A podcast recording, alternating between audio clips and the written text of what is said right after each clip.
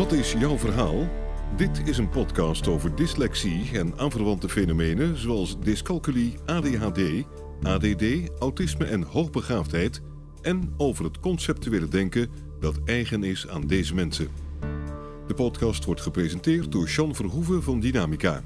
Zij is coach en trainer voor volwassenen met dyslexie en aanverwante fenomenen. Ze gaat ervan uit dat mensen met deze fenomenen allemaal conceptuele denkers zijn. Als je dat weet en weet hoe dit denken werkt, is het mogelijk om een gemakkelijker en succesvoller leven te hebben en effectiever te kunnen functioneren in je studie of je werk. In deze podcast gaat ze in gesprek met mensen die hun eigen verhaal willen vertellen. Een verhaal dat gaat over labels, hun andere manier van denken, hun tegenslagen, de voordelen van het conceptuele denken en hun succesverhalen. Jean Verhoeven spreekt uit eigen ervaring. Ze heeft zelf dyscalculie, dyslexie en ADHD. Welkom, Joël. Ik heb je gevraagd, uitgenodigd, omdat ik uh, jouw levensverhaal. Ik weet niet of ik het interessant kan noemen. Uh, het is een verhaal wat verteld moet worden. En ik hoor ook vooral veel ouders met een hand in hun haar als een zoon of een dochter hebben die de levensloop hebben die op die van jou lijkt. Daar gaan we het over hebben. Oftewel over alcohol en drugsgebruik. In combinatie met het conceptuele denken. Of het er nou vast aan zit of niet, daar gaan we het over hebben. Dus zou je willen vertellen wie je bent? Ik ben Joël, ik ben 33 jaar. Op het moment verdien ik mijn geld in werken op filmsets. Uh, doe veel grote concerten en dan de registraties daarvan. En los daarvan ben ik bezig met uh, dingen waar ik uiteindelijk mijn geld in wil verdienen. En dat is uh, het werken met jongeren. Dat lijkt me heel mooi. En nu mijn eerste ingang daarvoor is en gaat zijn um, training geven over conceptueel denken. Ik ga de training volgen bij Sjan, uh, die ik zelf vier jaar geleden heb gevolgd. En die training die heeft me heel erg veel geholpen. En heel erg veel geholpen met een heleboel dingen die me dwars zaten. En een groot deel daarvan was het gaan begrijpen van mijn eigen hoofd en hoe mijn eigen hoofd werkt. En uh, hoe daarmee om te gaan en hoe daarvoor te zorgen. Want door de jaren heen, zowel op school als buitenschool, gewoon een vol en druk hoofd hebben en niet zo goed weten wat er, wat er mee aan te moeten. Um, is uiteindelijk verdoven een, nou niet een goed, maar heel lang wel een, een tool geweest om het rustig te krijgen in mijn hoofd. Dus eigenlijk een vorm van zelfmedicatie die uiteindelijk op de lange termijn niet heel constructief is. En dat heb ik gedaan in vorm van blowen en alcohol drinken. En blowen ben ik 14e, 15e tot mijn 20e gedaan. Waarvan ook best wel veel. En wat is veel? Dagelijks. Uh, zes, zeven jaar. Zeg maar aan dagen bij elkaar drie weken niet gebloot heb, dan is het veel geweest. Ik kan me zelfs nog herinneren toen ik 16 was. En op vakantie was in Canada met mijn moeder en mijn twee broertjes. Dat, uh, dat op een gegeven moment zo de drang naar blowen en ook naar alcohol wel echt heftig aanwezig was, omdat gewoon mijn hoofd vol zat, druk was en uh, zonder dat eigenlijk door te hebben, omdat ik altijd met het hoofd geleefd heb. En op dat moment geen tool voorhanden had om mijn hoofd uit te zetten. En uiteindelijk ook op straatfeest, net over de grenzen in Amerika, beland met die familie bij wie we op bezoek waren. En op een gegeven moment ging ik plassen en daar stond... En in de rij stond er een gast naast me en die begon tegen me aan te praten. En die had een hele grote halve liter bier. En die begon tegen me aan te praten. Zei, ja, waar kom je vandaan en wat doe je hier? Dus ik zei, ja, ik kom uit Nederland. En er hing een foto van een uh, tulpenveld. En toen zei ja, ik ben één keer in Nederland geweest. En die tulpen, en daar ben ik geweest. En dat was echt te gek. En we stonden zo te praten. En op een gegeven moment dacht ik, ja, chill. Hij heeft echt heel veel bier en dat wil ik. Want ik wil gewoon uit kunnen. Dus toen vroeg ik hem, hey, mag ik een slok van je bier? Toen begon die eerste heel hard te lachen. Zei, nee, hoe oud ben je? Ik zei, ja, 16. Ik zei, ja, dat kan echt niet. Zei, maar ik kom uit Nederland en daar kan het wel. Dus mag ik alsjeblieft wat van je biir. Toen heb ik de helft van zijn uh, glas opgedronken. Toen zei hij, hey, blow je ook dan? Ik zei, ja. En toen zijn we naar een studentenhuis om de hoek gegaan. En daar uh, gebloot. En na een half uur dacht ik, shit, ik ben hier met mensen. En die hebben geen idee waar ik ben. Dus toen teruggegaan en uiteindelijk gezegd dat ik uit de achterkant van, eh, van het restaurant gelopen was en verdwaald was en uiteindelijk met iemand gepraat had. Maar ik weet nog heel goed dat eh, de drang naar uitgaan en uiteindelijk daar op dat straatfeest zitten en even niet meer zo'n vol en hardlopend hoofd te hebben, dat dat uh, op dat moment ook erg welkom was. Ja. ja. En daarmee zeg je ook dat het, om dat hoofd helder, stil, onder controle te houden, dronk ik en bloot ik. Er zijn er ook nog andere redenen geweest, maar alcohol is voor mij ook heel lang in de laatste jaren ook echt wel een tool geweest om uit te gaan. Ik merkte dat als ik gewoon een drukke dag op het werk had gehad, dat ik dan eigenlijk standaard één of twee biertjes dronk. En gewoon het moment dat ik een biertje dronk, dat het echt in ontspanning kwam, rustig in mijn hoofd werd, het niet zo'n chaos was. Ik heb het heel veel gehad in stressvolle situaties. Ik heb het ook heel vaak gehad als ik bijvoorbeeld met mijn partner in een moeilijke situatie was en waar de stress ontzettend hoog begon te worden en eigenlijk gewoon keihard aan het vastdraaien was. Dat op het moment dat er een beetje bier in ging, dat er een soort van laagje overheen kwam, dat het wat rustiger werd, gewoon minder chaotisch en daardoor eigenlijk ja, gewoon een stukje rust terugkreeg waar ik op zo'n moment heel veel behoefte aan had. En het nadeel daarvan is, door middelen te gebruiken, of althans voor mij in ieder geval, dat is omdat het gewoon op een structurele en niet gezonde manier was. En dat je eigenlijk altijd moe blijft en achter de feiten aanloopt. En de chaos in mijn hoofd groter wordt zodra ik moe ben, niet goed gegeten heb, stress ervaar. En eigenlijk door mezelf continu uit te putten door een middel te gebruiken. Wat op het moment dat je het middel gebruikt heel erg voelt als... oh, chill, nu ben ik gewoon rustig en nu kan ik gewoon even uitgaan, ontspannen. En met uitgaan bedoel je dat hoofd stopzetten? Het hoofd stopzetten. Inderdaad, de weerwar en de chaos en eigenlijk ja, dat. Maar door consequent middelen te gebruiken... eigenlijk gewoon moeier zijn dan nodig is.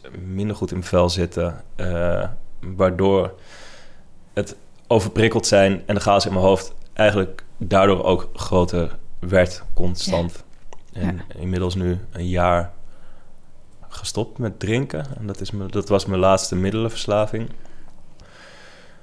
Ja, ontzettend blij ben dat, ja, dat ik niet consequent bezig ben met het verdoven van, van gevoelens ook wel. Want het heeft ook te maken met een hele hoop ongemakken, omdat zodra ik geen ruimte in mijn hoofd heb, is er eigenlijk geen ruimte om dingen te doen die ik graag wil, die ik ook heel erg ingewikkeld vind. Gewoon projecten oppakken, dingen, uh, muziek maken bijvoorbeeld. Eigenlijk dat eindeloos niet kunnen doen, omdat ik allemaal ideeën in mijn hoofd heb, maar dat zo moeilijk vind om te beginnen, omdat ik nooit heel goed geleerd heb waar ik moet beginnen en hoe ik moet beginnen. En dan eigenlijk ook zo daar niet content met mezelf zijn, omdat ik een heleboel potentie heb maar door eigenlijk maar een beetje te vluchten in wat ooit blauwe was, uiteindelijk nog heel lang drinken was. Eigenlijk een soort content zijn met vervelende gevoel van alle dingen die ik graag wil. Uh, en die niet lukken, om dat maar een beetje zo te verdoezelen met een laagje drank of drugs of dat soort substanties. Ja. En ik merk ook dat sinds ik gestopt ben met drinken, dat er ja, een hoop meer ruimte in mijn hoofd gekomen is. Een hoop meer ruimte om met gevoelens die onvrede teweeg brengen. Dus eigenlijk gewoon het, het niet beginnen aan muziek maken, niet beginnen aan, aan projecten die ik graag wil doen. Gewoon. Ehm, Wat maakt nou dat je gaat blowen als kind? Uh, ontevreden zijn in de situatie waar ik in zat. Ik heb het toen ontzettend gezien als het is leuk en het is gezellig en mijn vrienden doen het en je gaat gewoon chillen en lekker uit. Maar het is denk ik de mate waarin ik het deed ook, dat het ook wel gewoon te maken had met een stuk onvrede. Ik zat op het IVBO. Dat was uh, op dat moment dat ik op school zat het laagste van het laagste.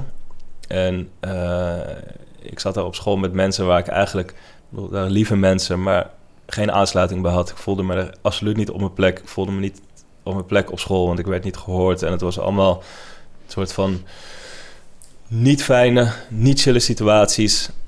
En waardoor ja, wederom het uitgaan eigenlijk best een soort van logische optie was. En op dat moment het wel heel erg geframed heb als het is leuk en gezellig en dit is nou eenmaal wat we doen. En wat maakte nou dat je je niet chill voelde op, tussen die groep waar je in zat? Uh, hoe gek het al klinkt om dat als dyslect te zeggen, maar ik denk dat het op het denkniveau was gewoon heel anders. Het is, ik was niet zo goed in lezen en schrijven en niet zo goed met autoriteit. En dat is waarom ik daar terecht ben gekomen, omdat ik op de basisschool er al geen zin meer in had. En ja, mijn CITO-toets heb ingekleurd, omdat ik dacht, zoek het allemaal maar lekker uit. Het mij niet gezien. Ja. En waarom had je er geen zin in? Want ik bedoel, als ik je hoor praten, ben je niet iemand die uh, geen zin heeft. Dus waarom had je er geen zin in vroeger? Ik had er vooral geen zin in, omdat ik het me eigenlijk gewoon niet gehoord en gezien voelde op school. Ja, en waar had, je, waar had je in gehoord of gezien willen worden? Ik had liever iets minder gehoord van... hey, doe eens beter je best en zit op te letten. En als je een keer echt wat te zeggen had... dat er dan geluisterd werd en dat er niet gedaan werd van... hé, hey, je bent hier een leerling en je luistert naar de leraar... en dit is wat het is en dit is waarheid. Ik denk dat ik uh, daar veel behoefte aan had. En ik merkte dat ik daar op jonge leeftijd ook al best wel recalcitrant van werd. En eigenlijk een soort van strijd aanging met de leraren. Om te laten zien van ik trek toch wel aan het langste eind. Wat eigenlijk een heel raar spel is om met een leraar in te komen op de basisschool. Ja. Weet je nu wat je toen nodig had gehad? Wat ik nodig had gehad, dat was om te begrijpen hoe mijn hoofd werkt. Ja. Om te begrijpen dat ik niet niet zat op te letten, maar dat ik gewoon in plaats van één lijntje gedachten er zes, zeven tegelijk naast elkaar heb lopen. En dat als ik iets niet interessant vind, dat het mij extra veel moeite kost om die stof wel tot me te nemen. En het misschien handiger is om dat op een andere manier te doen. En ik had nodig gehad dat mensen me niet de gekke boodschap meegaven van... hey, je bent slim genoeg, maar je moet alleen even beter je best doen. Wat heel tegenstrijdig is, want ik deed mijn best. En als ik slim genoeg ben en nog harder mijn best moet blijven doen en het werkt niet... dan ben ik dus niet slim genoeg of wel, of wat is het? Maar ik denk dat als ik op een jonge leeftijd beter had begrepen hoe mijn hoofd werkt, dat dat uh, een hoop geschild had. Ja. En dat ik dus niet een soort van eindeloos had moeten blijven worstelen tegen... ik ben wel slim genoeg, maar ik moet beter mijn best doen... En dingen die me niet interesseren blijven gewoon niet hangen. En ik weet niet waarom. Want het is niet omdat ik het niet wil, maar het is omdat het niet gebeurt. Ja. Ik denk dat ik, vooral, dat ik het vooral niet leuk vond omdat ik niet de beloning kreeg in goede cijfers. En niet de beloning kreeg in woorden. Omdat er eigenlijk altijd iets aan mankeerde. En altijd of net wel een goed cijfer of net niet. Maar eigenlijk dan het plezier erin te hebben om dingen uit te mogen zoeken zonder goede cijfers te moeten halen. Maar het was ontzettend op de cijfers en op een manier op gewoon best wel prestatiegericht. En omdat ik nou eenmaal niet zo lekker presteerde op school, nam dat een hoop plezier ook weg. Ja. En werd ik vervelend. Op een gegeven moment ben ik getoetst voor dyslexie. En toen we daar achter kwamen, toen heb ik bijles gehad. En dat was dan in middel van kleurenblokjes. En met je vingers voelen, omdat je vinger uh, heel gevoelig is. En er zit heel veel zenuw in. Er komen heel veel zenuwen. Dus dan een soort van als je dan dingen met je vingers doet, dan registreert het beter in je hoofd. Maar eigenlijk voelde het gewoon net als alle andere dingen. En moest ik een soort van op een niet aangename manier dingen leren. En ik deed mijn huiswerk ook nooit. En ook daarin niet. En uiteindelijk heeft degene die mij bijles gaf gevraagd: Hey, wil je dit? Want je doet er niks aan. En je moeder betaalt er wel geld voor. Want als je het niet wil, kunnen we ook stoppen. En dat ik ook zei: Nou, laten we maar stoppen. Want ik vind het gewoon niet leuk. Of was het nou ook dat het niet aansloot? Het, het sloot niet aan. Het kostte allemaal heel veel moeite en kreeg er eigenlijk niet zoveel voor terug. Omdat dingen nog steeds niet goed gingen. Wat ik dan vooral terugkreeg was... ja, maar je werkt niet hard genoeg en je doet je huiswerk niet. Dus dat is de reden waarom het niet gaat. Dat het voor mij niet zo voelde. Ja. Omdat het qua stof het wel begreep... alleen het gewoon niet goed kon reproduceren. Ja, als je het dan zo weer vertelt, ken je al een hele tijd... en dit soort verhalen ook natuurlijk constant. En dan krijg ik alweer kippenvel. Dan denk ik, god, hoe schoolsysteem zou toch niet een machtelsysteem moeten zijn? Want dat is eigenlijk wel wat er gebeurt. Dat heeft gemaakt dat je, dat je gestopt bent. eigenlijk de laatste twee jaar van het blowen eigenlijk al wilde stoppen. Maar het gewoon niet lukte, omdat ik er helemaal geen leuke mens van werd. Eigenlijk het moment dat ik blode, dan dissocieerde ik me uiteindelijk van al mijn gevoelens. Dan, als ik in een groep zat, dan uh, schoof ik mijn stoel een halve meter naar achter. Omdat ik eigenlijk niet meer wilde praten. Omdat ik met praten in groepen altijd al moeite had. Uh, en dat door het blowen nog erg versterkte, isoleerde ik mezelf en ook best wel in sociale settingen. En op het laatst uh, lekker ook licht paranoia van. Dus dat was eigenlijk niet heel aangenaam iets meer. Maar het was wel nog iets om wat zo geïntegreerd zat in mijn leven. Ik ben blij geweest dat ik het op mijn werk nooit gebruikt heb. Omdat ik vroegtijdig gestopt ben met school en gekozen heb voor werken. Dus dat is iets wat altijd een heel belangrijk iets in mijn leven is geweest. Maar echt zodra ik de deuren uitstapte van werk, dan stak ik een joint op. En als ik in het weekend wakker werd, dan uh, ging ik naar beneden en dan zette ik een bakje koffie en rolde ik mijn eerste joint. En dan de hele dag door blowen. En eigenlijk op het laatste ook niet meer van die bank afkomen en eigenlijk gewoon nergens zin in hebben, omdat sociale settingen ook eigenlijk niet goed meer gingen, omdat ik vast zat in mijn hoofd en eigenlijk mijn hoofd dusdanig uitzetten dat gewoon, ik kan me zo goed herinneren, zo vaak dat als ik dan in een groep zat en ik al een uur of anderhalf niet gepraat had en dat iemand dan iets vroeg, dat gewoon de eerste zin er eigenlijk een soort van meer geluiden uitkwamen dan woorden, dat ik mijn woorden zo erg kwijt was en me daar ook zo voor schaamde. Ja. En eigenlijk gewoon met het praten al zoveel ongemak ervaren. En dat, uh, ja, dat ik liever dat gewoon niet deed. En dat uh, niet op je woorden komen is onder andere een, van de dingen van dyslexie. Ja, zeker. Ja. En als je dan eigenlijk gewoon best wel gedissocieerd bent van je gevoel... en ja. eigenlijk best wel in een niet chille plek in je hoofd zit... en al zo vaak ervaren hebt dat het eigenlijk moeilijker gaat als je het doet... en er ook best wel schaamte bij komt kijken... dat gewoon niet praten een soort van obvious optie wordt. En ik, heb daar twee jaar lang mee willen stoppen. En twee pogingen gedaan. En die eigenlijk gewoon niet lukten.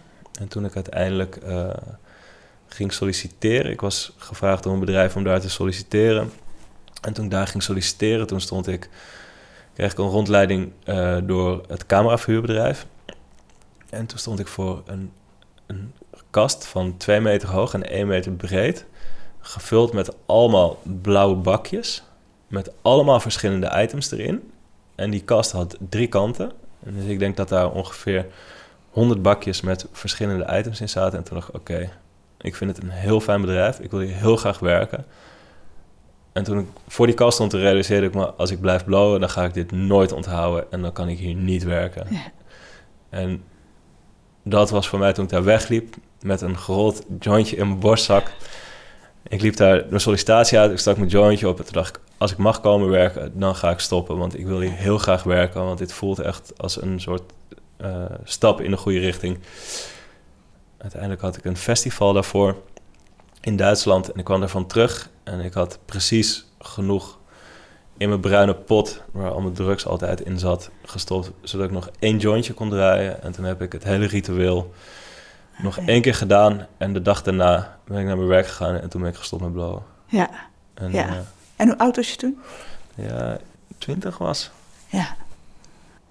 Wat een wijsheid dan. Dat je kan kiezen dat je dan zes jaar bloot. Hier wil ik werken. Dit, dit ziet er goed uit. Dat je dan ook nog dat kan voelen. Dat, uh, wat knap is. En wat toch een inzicht, hè, een bepaalde kwaliteit heeft dat. Dat je, dat je dan kan zeggen: Oké, en nu ga ik stoppen iets bewonderen aan mezelf, dat is dat ik uit heel veel moeilijke situaties zelf uiteindelijk gestapt ben en daarin volhard heb. En dat met alcohol uiteindelijk ook gedaan heb, met roken gedaan heb, kookverslaving gedaan heb, met eindeloos, eindeloos feesten en om de verkeerde redenen ook feesten. En daar uiteindelijk allemaal een hele bewuste keuze in heb gemaakt van oké, het is niet oké, de redenen waarom, heel goed de achterliggende redenen begrijpen en daar uiteindelijk uh, mee te stoppen. En dat heeft heel veel hoofdwerk vereist. En dat zijn dingen die ook niet over één nacht slapen zijn gegaan. Nee. Maar dat is wel uh, ja, uiteindelijk allemaal gelukt. En ja. dat is heel fijn. Ja. Je zegt feest om verkeerde redenen. Ehm, eh, ehm, kan je daar iets uh, duidelijk over zijn? Uh, Ja, feesten om verkeerde redenen. Feesten, dat is een, uh, een mooie plek om uh, in te vluchten, om in uit te gaan, om in op te gaan. Je gaat dansen, uh, drugs speelde daar een grote rol. zat in een vriendengroep waar veel drugs was. Dus drugs was ook best wel genormaliseerd. Ja. En ja, gewoon eindeloos feesten. Eindeloos feesten en dan gewoon een hele week heel hard werken en dan ontzettend hard uitgaan. Door eigenlijk gewoon te dansen, eindeloos te dansen, uit je hoofd, in je lichaam. Een beetje drugs erbij en gewoon eindeloos daarin door blijven gaan. En dan een week weer heel hard werken. En dan een week doorkomen, uitkijken naar het weekend. Omdat in het weekend die ongelofelijke grote ontlading plaats gaat vinden. Ja.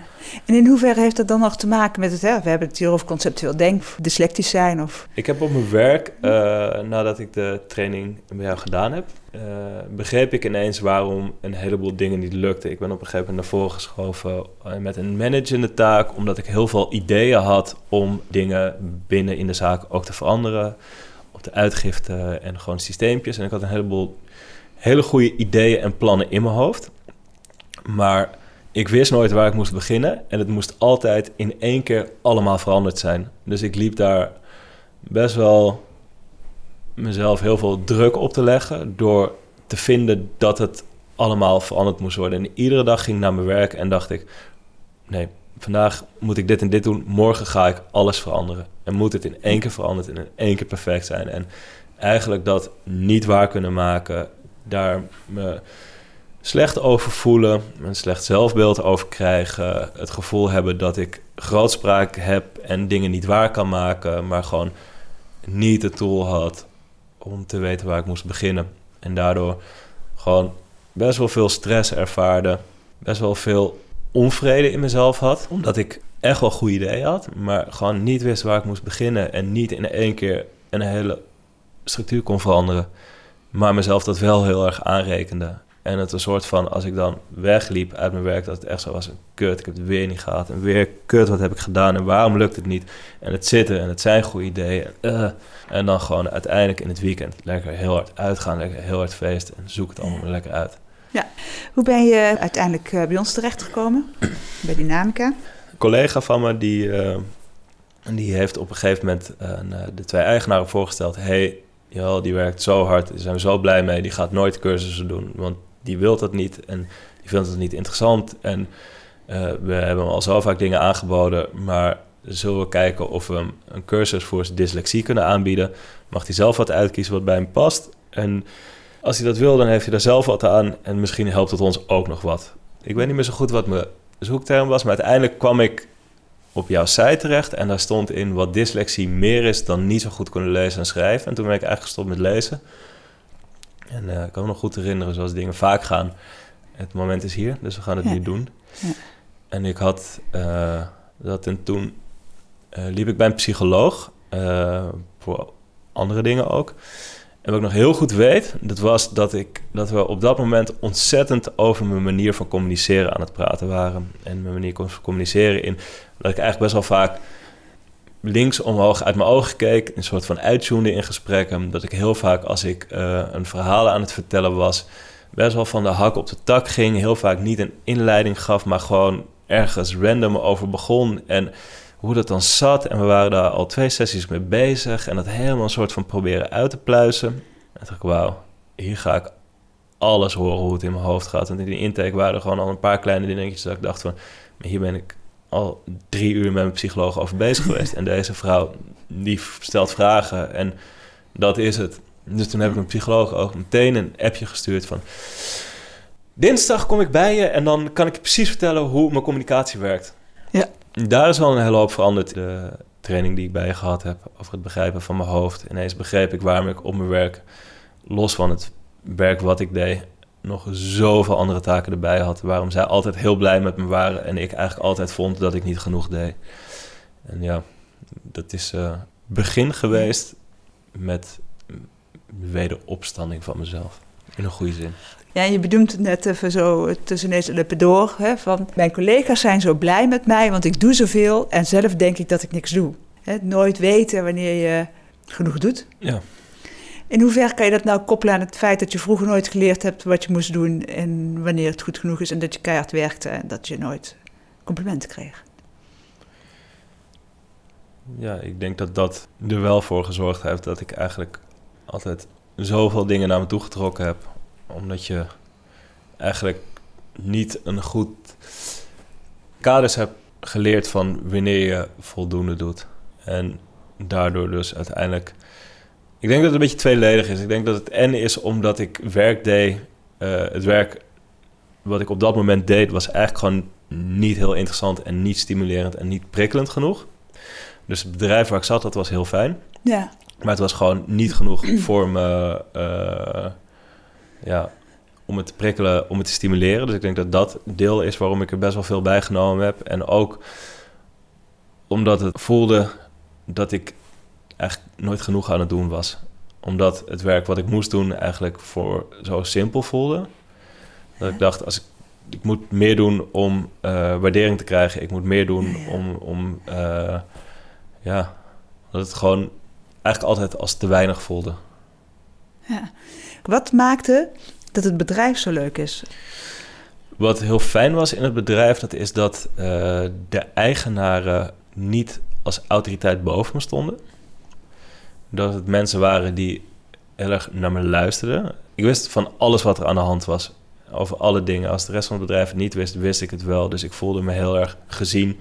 Ik voelde alsof ik, los van eh, mijn taakomschrijving, die niet zo interessant was, Ja, ja. maar kreeg ik heel erg de vrijheid om dingen te doen. En omdat ik die vrijheid heel erg kreeg en de ruimte voelde om dingen te doen, ben ik heel veel gaan doen in het bedrijf. Wat heel fijn was, is dat het een heel sociaal bedrijf is. En dat er heel veel mensen uit het vak eh, komen. Mensen vind ik het allerleukst. En het voelde voor mij altijd als werken in de kroeg. Alleen in plaats van bier serveerde ik camera's. Dus ik kon ontzettend in een dienstverlenende rol waar ik heel fijn in gedij. Ik kon er zijn voor mensen, weten wat mensen fijn vinden, weten wat mensen willen. En uiteindelijk op die manier eigenlijk mijn werk steeds interessanter gaan maken. En het gewoon ook vooral heel fijn vinden dat eh, de, eigenlijk de, de, de eigenaren, de autoriteiten me op een gelijk niveau behandelden. Ja. En dat vond ik daar, daar gedij ik goed in. ja, gehoord. Hoe echt word je dan gehoord? Ja, gezien en Gezien gehoord en worden gehoord, voor wat ja. je bent en wat je wel Ja. kan. En Ja. Eh, Ja. dus eigenlijk ook in een zekere zin wel bevestiging krijgen in wat je wel kan. Ja. En niet alleen maar zitten Ja. op wat niet zo goed gaat. Ja. En wel dat andere deel ook zien en een soort van benoemen, maar vervolgens het weer helemaal onderuit halen met, maar je moet even beter je best doen. Dus eigenlijk doe je het helemaal niet goed. Schrijf het even op. Ja. Ehm, het is vier jaar ongeveer geleden dat je hier eh, kwam. En ondertussen is het het heel going on, het proces. Ik heb zo ook wat projecten met je gedaan en hè, dat, dan zit dat uitstelgedrag er nog wel eh, in. Ehm, hoe kijk je daar nou tegenaan als je dingen uitstelt? Dingen uitstellen is nog steeds wel een. Dat vind ik nog steeds ingewikkeld. Ik voel me vooral verantwoordelijk en tegenover anderen dan als ik dingen aan het uitstellen Hm. ben.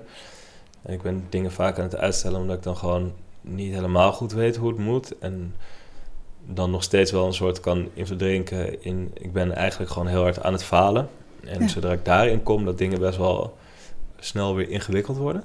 Ja, En daar geneigd van ben om daar dat dan niet meer te gaan benoemen, ervan weg te lopen. Wat fijn is, is dus nu niet meer middelen gebruiken om daarin ja, te verdoven of in het, een beetje het wegstoppen ervan.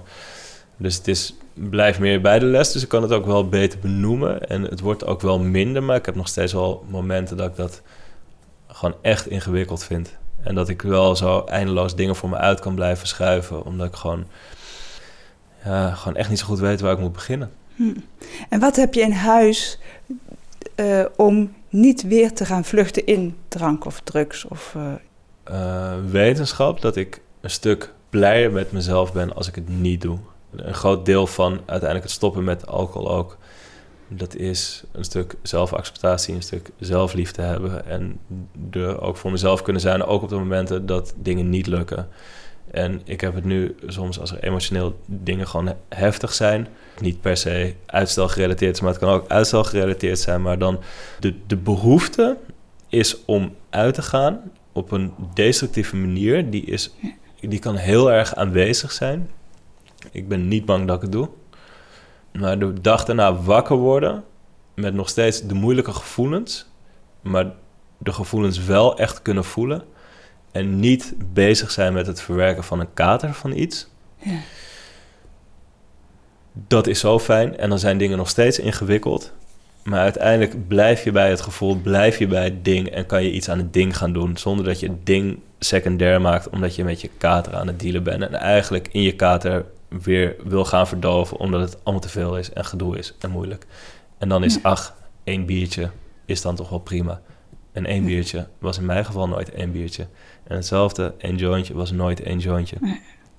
Wat ik ook heel fijn vond om te merken over eh, controle hebben over situaties. Gewoon na een hele drukke zomer met heel veel werk en nog heel veel werk eraan kwam. En privé waar een heleboel gaande was. Dat ik op een gegeven moment dacht, oké, ik wil nu verdoven. Ik wil nu verdoven. En dat ik mezelf de ruimte heb gegeven om voor iets te kiezen. En ik heb op dat moment, ik, ik had een dag waar ik heel veel moest doen. Vlak voordat ik een week naar het buitenland zou gaan voor werk en daarna terug zou komen uit het vliegtuig, meteen door naar een klus moest en daarna meteen door weer naar het buitenland. En toen heb ik gekozen voor een middel en daar heb ik een klein beetje van genomen. En eh, daarna ook thuis gelaten, mijn dingen gaan doen, maar wel verdoofd, maar in controle. En Ja. ik dacht daarna ook wakker worden met... oké, ik heb gisteren iets genomen... om gewoon het hele scherpe randje eraf te halen. Ja. Maar daar eigenlijk content mee zijn... omdat ik me er niet in verloren heb. Niet eindeloos veel ben gaan gebruiken... om mezelf helemaal te dissociëren... maar wel de ruimte heb gegeven... om op dat moment het hele scherpe randje eraf te halen... en vervolgens gewoon normaal verder te kunnen. Voor mezelf was dat wel een bekrachtigend gevoel... om gewoon Ja. iets te kunnen nemen op een hele bewuste manier Ja. maar volledig in controle. Ja. Wauw. Nou, petje af hoor. Ja. Eigenlijk waar ik achter was gekomen, dat is dat ik achter een heel groot patroon wat ik van vroeger uit meegekregen heb. En dat is dat ik ongelooflijk bindingsangst heb. Dus ik denk dat deels, ik weet eigenlijk wel zeker, deels van mijn verslaving is ook gewoon moeilijke gevoelens. Niet kunnen binden aan mensen. Het eigenlijk gewoon best wel vaak onveilig voelen in situaties. Ook in vriendschappen. En voornamelijk eh, manifesteerde zich dit in intieme relaties. Dat is ook wel een leuk verhaal. Ik zou eigenlijk de training gaan doen bij Sjan om eh, trainingen te kunnen gaan geven over het conceptuele denken. En toen eh, een week, nee drie weken voordat de training zou beginnen, toen uh, stuurde ze me een appje. Hey, kom je de training nog bij me doen? En toen schoot ik vol in mijn oude faalangst. Dat ik dacht, ja, ik kan dat helemaal niet. Ik kan niet zes dagen daar zitten, dingen leren om vervolgens vier dagen lang training aan mensen te geven. Dat lukt me helemaal niet en ik ben er niet goed genoeg voor. Dus ik dacht, weet je, het is nu vrijdag, ik stuurde maandag gewoon een appje terug. Wat ik natuurlijk niet ging doen en dat zo voor me uit bleef schuiven. Bleef schuiven. En uh, wat er toen gebeurde, toen trad mijn oude angst. Die kwam ontzettend op. En dat is angst om afgewezen te worden als ik mensen teleurstel. Ja. En dus het werd eigenlijk dubbel kut te appen. Enerzijds, ik dacht, ik kan dat helemaal niet. En anderzijds, ik dacht, oh, dit is de zoveelste keer dat ik iets met Jan ga doen. En eigenlijk het om wat voor reden dan ook niet wil doen of niet kan doen. En het voor me uit aan het schuiven ben en nu alweer anderhalve week niet aan het reageren ben. En uh, zoals dingen altijd op de juiste momenten aankomen waaien, uh, belde ik de woensdag voordat de training zou beginnen, had ik al mijn moed bij elkaar verzameld. En toen Sjan gebeld. En het ijs brak toen ik het typisch van Sjan hoorde. Ha, daar ben je. Zo, waarom heb je zo lang niet gebeld? En meteen zo voelde, ah, chill. Dus toen uitlegde waarom ik niet gebeld had, omdat ik dacht, ik kan helemaal niet trainingen gaan geven, want ik ben daar gewoon, nou ja, wat allemaal niet voor. En toen vertelde ik ook dat ik dat daarbij ook mijn oude trauma ontzettend boven kwam, dat ik bang was omdat ik er gevoelsmatig weer teleurgesteld had door niet te reageren en eigenlijk te laten wachten op iets dat ze zou zeggen, zoek het uit, ik wil niks meer met je te maken hebben. En toen vroegen ze een beetje verder waar dat er vandaan kwam. En uh, toen zei ze, zou je het eventueel fijn vinden om een familieopstelling te gaan doen? Omdat mijn angst best wel familiegerelateerd is en dat wist ik al. En een familieopstelling stond al zo lang hoog op mijn verlanglijstje en het plaatsend in het hele jaar wat ik gehad heb met ontzettend bezig zijn, met voelen, kwetsbaar zijn. Als het die angsten naar boven kwamen van hey, ik ben iemand aan het teleurstellen, dicht bij mezelf te blijven en gewoon in plaats van te vluchten te zeggen hey, je bent het waard, het is oké. En gewoon vooral te blijven gaan met zelfliefde in plaats van een heleboel zwartgallige gedachten.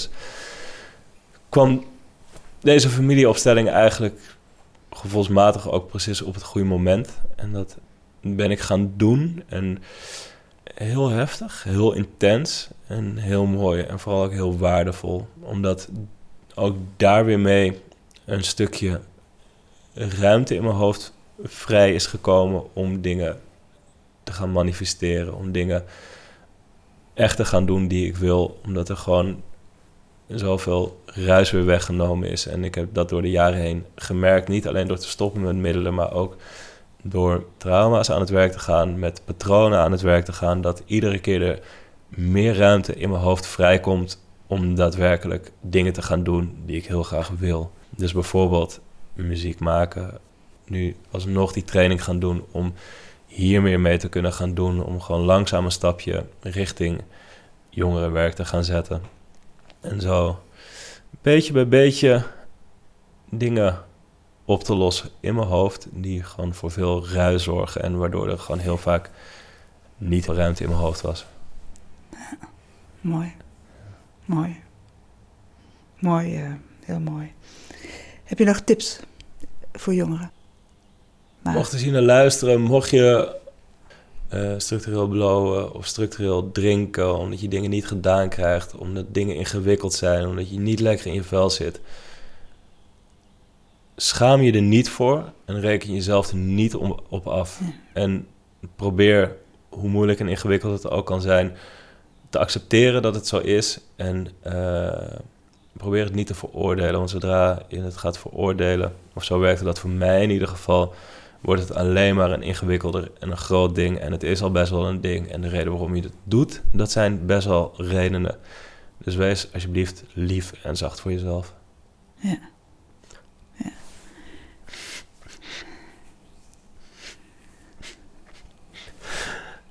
En dat is echt moeilijk. Ja. Ja. Mooi.